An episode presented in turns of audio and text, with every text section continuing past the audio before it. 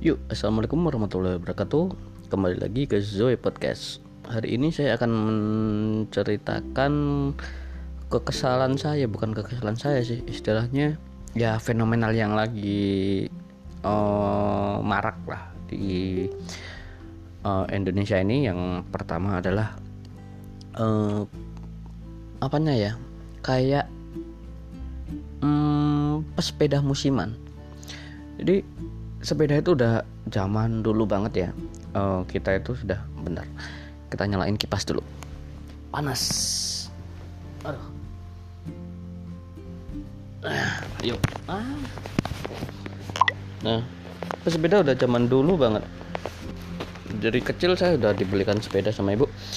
Ya ada sih masih sekarang. Cuma karena kasusnya sepeda sekarang lagi hype ya jadi turun menurun nah kemarin itu uh, aku dan ponakanku sama iparku membuat sepeda yang dulu pernah saya buat kembali lebih bagus. Jadi kasusnya seperti kasus sepeda minion kalau sekarang ya. Dan itu menghabiskan uang yang sangat amat banyak. Ya kurang lebih satu juta lebih lah. Jadi ya sepedanya jadi lumayan bagus sih. Cuma ya kita kasih gear kita kasih operan kayak gitu. Jadi kita pilok terus ya diganti ban kayak gitu. Jadi ya nggak kerasa kayak gitu. Nah terus topik yang pertama yang akan saya bahas adalah kecelakaan lalu lintas. Nah banyak sih kasus kecelakaan lalu lintas. Ya nggak nggak nggak cuma yang dialami sepeda cuma akhir-akhir ini saya agak sedikit kesal sih dengan berita-berita yang sepeda menerobos lalu lintas karena mereka arogan ya. Kayak kasus kemarin di mana tuh hmm, di daerah Pema eh. Oh, Tegal kalau nggak salah ya.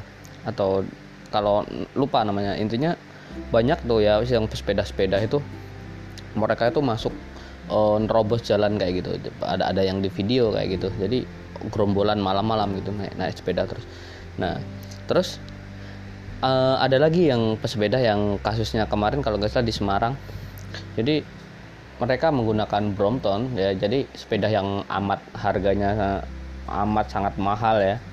Nah di sana uh, apa namanya dia itu masuk ke dalam kafe. Setelah itu ya sepedanya nggak dilipat gitu. Cuma ada ada yang ada yang di uh, apa namanya didorong ada yang dinaikin kayak gitu. Sampai ada yang uh, mecahin uh, apa namanya uh, ning jatuhin aspek kayak gitu. Jadi ya kasusnya seperti itulah. Mentang-mentang ramah lingkungan ya kayak gitu ya. Jadi terus ya ini kan sepeda sepeda mahal kayak gitu ya. Cuma ya kalian bisa lihatlah kasusnya di TMN di situ juga ada pernah dibahas sih di YouTube. Terus yang ketiga eh, jaga keselamatan aja sih kalau untuk sepeda. Jadi kadang itu saya mendapati ya pas saat saya naik motor mau ke jalan e, mau berangkat kerja ya. Jadi pagi-pagi nah itu banyak sih yang naik ini sepeda naik sepeda. Cuman oh nggak nggak nggak aturan kalau weekend kayak gitu. Jadi setiap naik sepeda ya mereka naik sepeda aja tapi nggak ngelihat belakang. Kita kan juga membutuhkan jalan untuk lewat ya jadi nggak e, bergerombol kayak gitu. Cuma kan kasihan yang belakang gitu kasihlah jalan. Kalau emang ada jalur sepeda kenapa nggak masuk ke jalur sepeda kan kayak gitu ya. Jadi kalau di daerah Jogja itu sudah ada sih ada jalur sepedanya kayak gitu. Cuma untuk kasus di Semarang hmm, kalau untuk kota-kota besar sih sudah ada. Cuman jalan di daerah uh, daerah Semarang Barat masih belum sih. Cuma ya kadang di daerah BSP juga ada sih yang sepeda. Cuman ya mereka tahu lah lalu lintas kayak gitu. Cuman ya begitulah sepeda musiman. Nah sekarang masuk ke topik yang kedua yaitu gue suka sepeda. Gue saya. Nah, setiap aku melihat sepeda tertarik naik sepeda ya. Jadi dulu pas saat aku waktu aku kecil banget ya umur TK lah aku sering naik sepeda ya. Jadi belajar naik sepeda itu udah TK kayak gitu. Jadi dibeliin sepeda sama bapak sama ibu. Sepedanya itu uh, joknya atau tempat duduknya itu dari besi atau istilahnya hmm, seng gembreng kayak gitu ya. Nah di situ ya yang namanya besi karat bisa karatan ya. Nah jadi itu eh, selalu merobekkan celanaku. Jadi setiap kali aku naik sepeda pulang-pulang pasti ya celanaku robek menjadi seperti rok. Jadi setiap aku pulang ke rumah aku nangis sama sama ayah sama ibu. Bu jadi kayak gitu. Lah kok jadi setiap aku pulang ya udah jadi rock aja gitu. Jadi diketawain sama orang-orang. Ya itu malu banget sih cuma. Ya pas saat waktu S, eh, TK kayak gitu sampai satu SD nah setelah kelas 2 SD saya dibeliin sepeda. Warnanya hitam. Ya itu kehilangan banget sampai aku kelas 2 SMP itu sepeda itu masih aku pakai. Karena ya cuma itu saja alat transportasiku. Karena uh, aku pun juga anak orang yang nggak punya jadi di sana pun nggak saya nggak dibolehin untuk naik motor kan kayak gitu. Jadi ya saya bisa naik motor pun waktu sudah lulus SMP kalau nggak salah kelas umur uh, 16 16 masuk ke SMA itu masih belum dibeliin naik motor kayak gitu sama bapak. Ya tapi untuk belajar sih boleh cuma tapi kalau untuk uh, naik motor sendiri pun nggak nggak boleh. Bahkan SMA pun saya masih naik sepeda kan kayak gitu. Nah setelah itu saya pernah juga nabrak sama nenek saya. Jadi pas saat saya belajar naik sepeda umur berapa ya? Umur lima tahun kalau nggak salah. Eh nggak deh. Umur tujuh tahun kalau nggak salah. Jadi rumah saya itu di pinggir jalan ya jadi jalan raya. Terus di belakang rumahku itu ada rumah nenek kayak gitu. Nah terus aku pun pulang naik e, pulang dari dari sekolah. Nah setelah pulang dari sekolah nggak ganti baju dulu tuh. E, e, yang e, bu, lempar tas sama lempar sepatu ganti sendal. Terus setelah itu bajunya aku ganti kan kayak gitu lah terus langsung tuh naik cabut naik beda cari teman-teman kayak gitu sepedaan.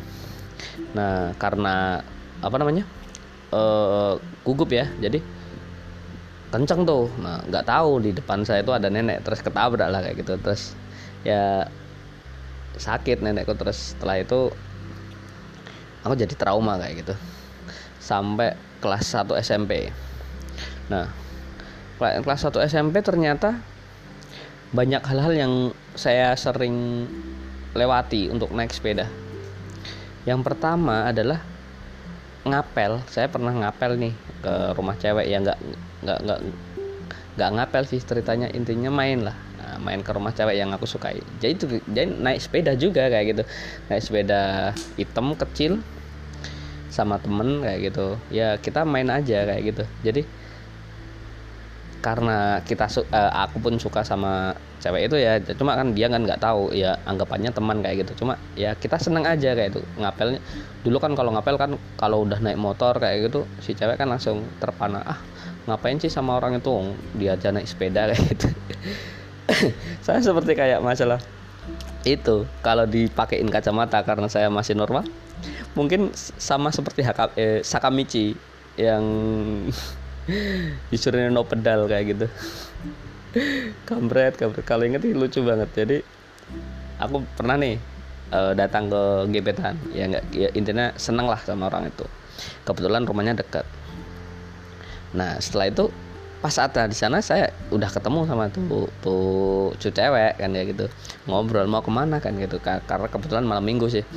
Mau nunggu temen kayak gitu. Nah ternyata ada sih cowok di belakang dia naik fish air naik motor nih gitu kayak gitu. Ya karena peda saya peda federal yang nggak ada boncengannya ya terpaksa si cewek itu nggak mau. Ya ya ya nggak nggak nggak ngelirik aku lah kemungkinan karena dia nggak nggak nganggap aku bah Eh, nggak nganggap aku bahwa dia itu suka sama aku ya ya dicuekin kayak gitu ya. Terus dia keluar.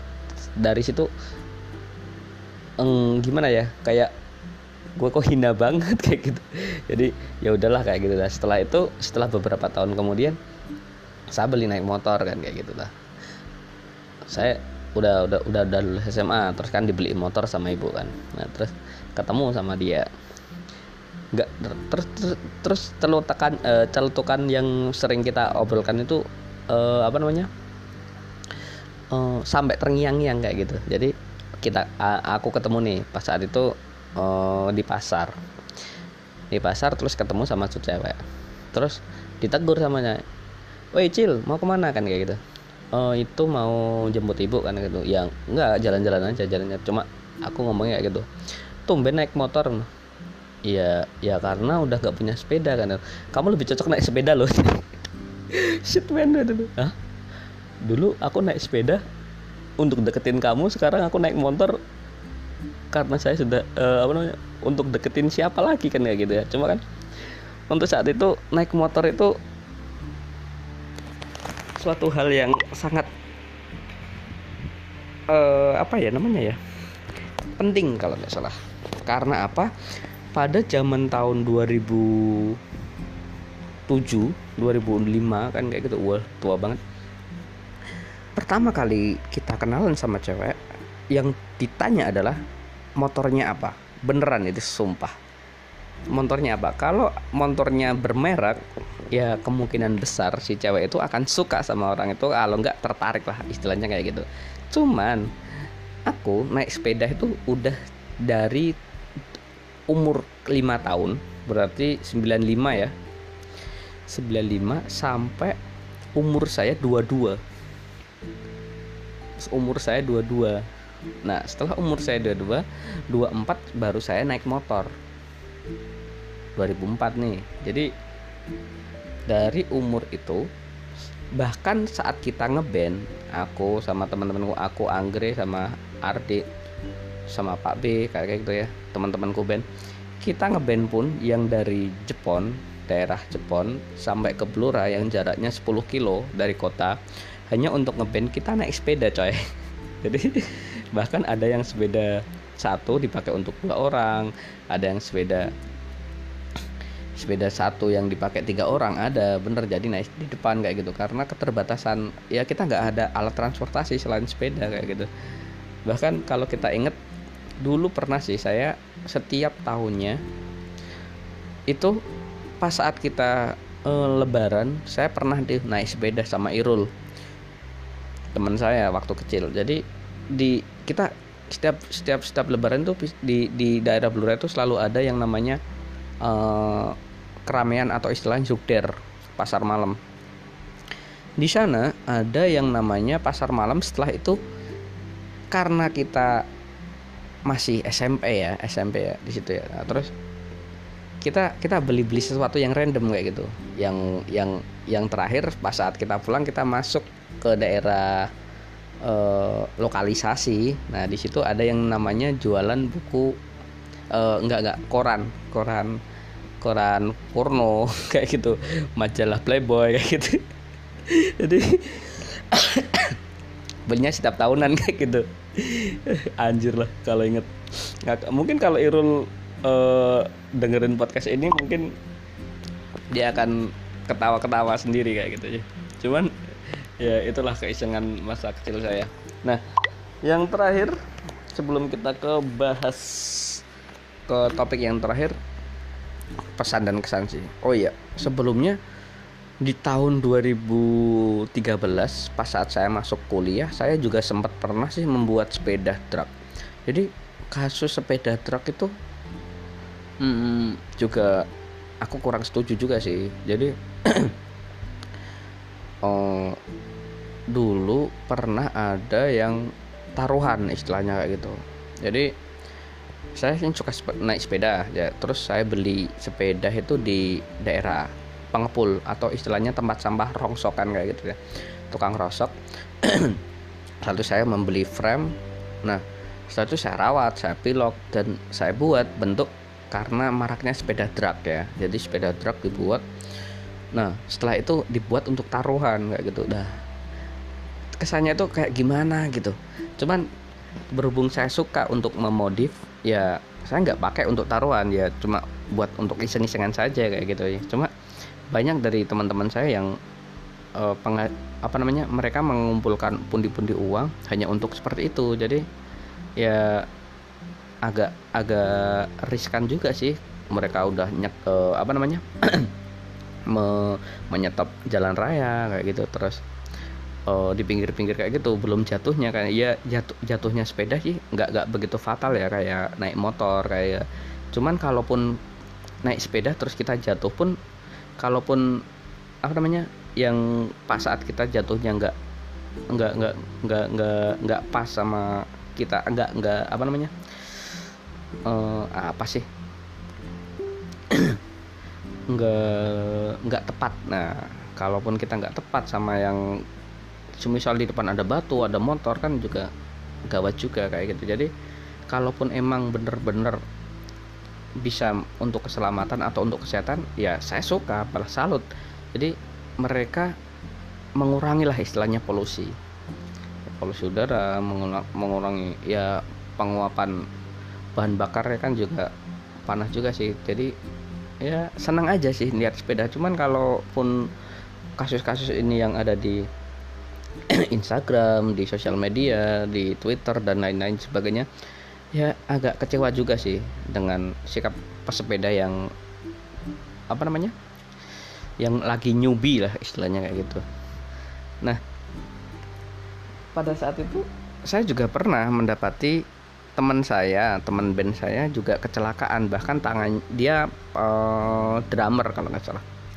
Dia pegang drummer. Bagian drummer dia tuh juga hobinya kayak gitu balapan sepeda. Balapan sepeda dia kecelakaan. Tak sampai tangannya tuh hampir patah kalau gak salah. Dikit. Ya kasihan banget. Jadi dia jatuh terus masuk ke got kayak gitu. Uh terus. Ya agak gimana gitu rasanya.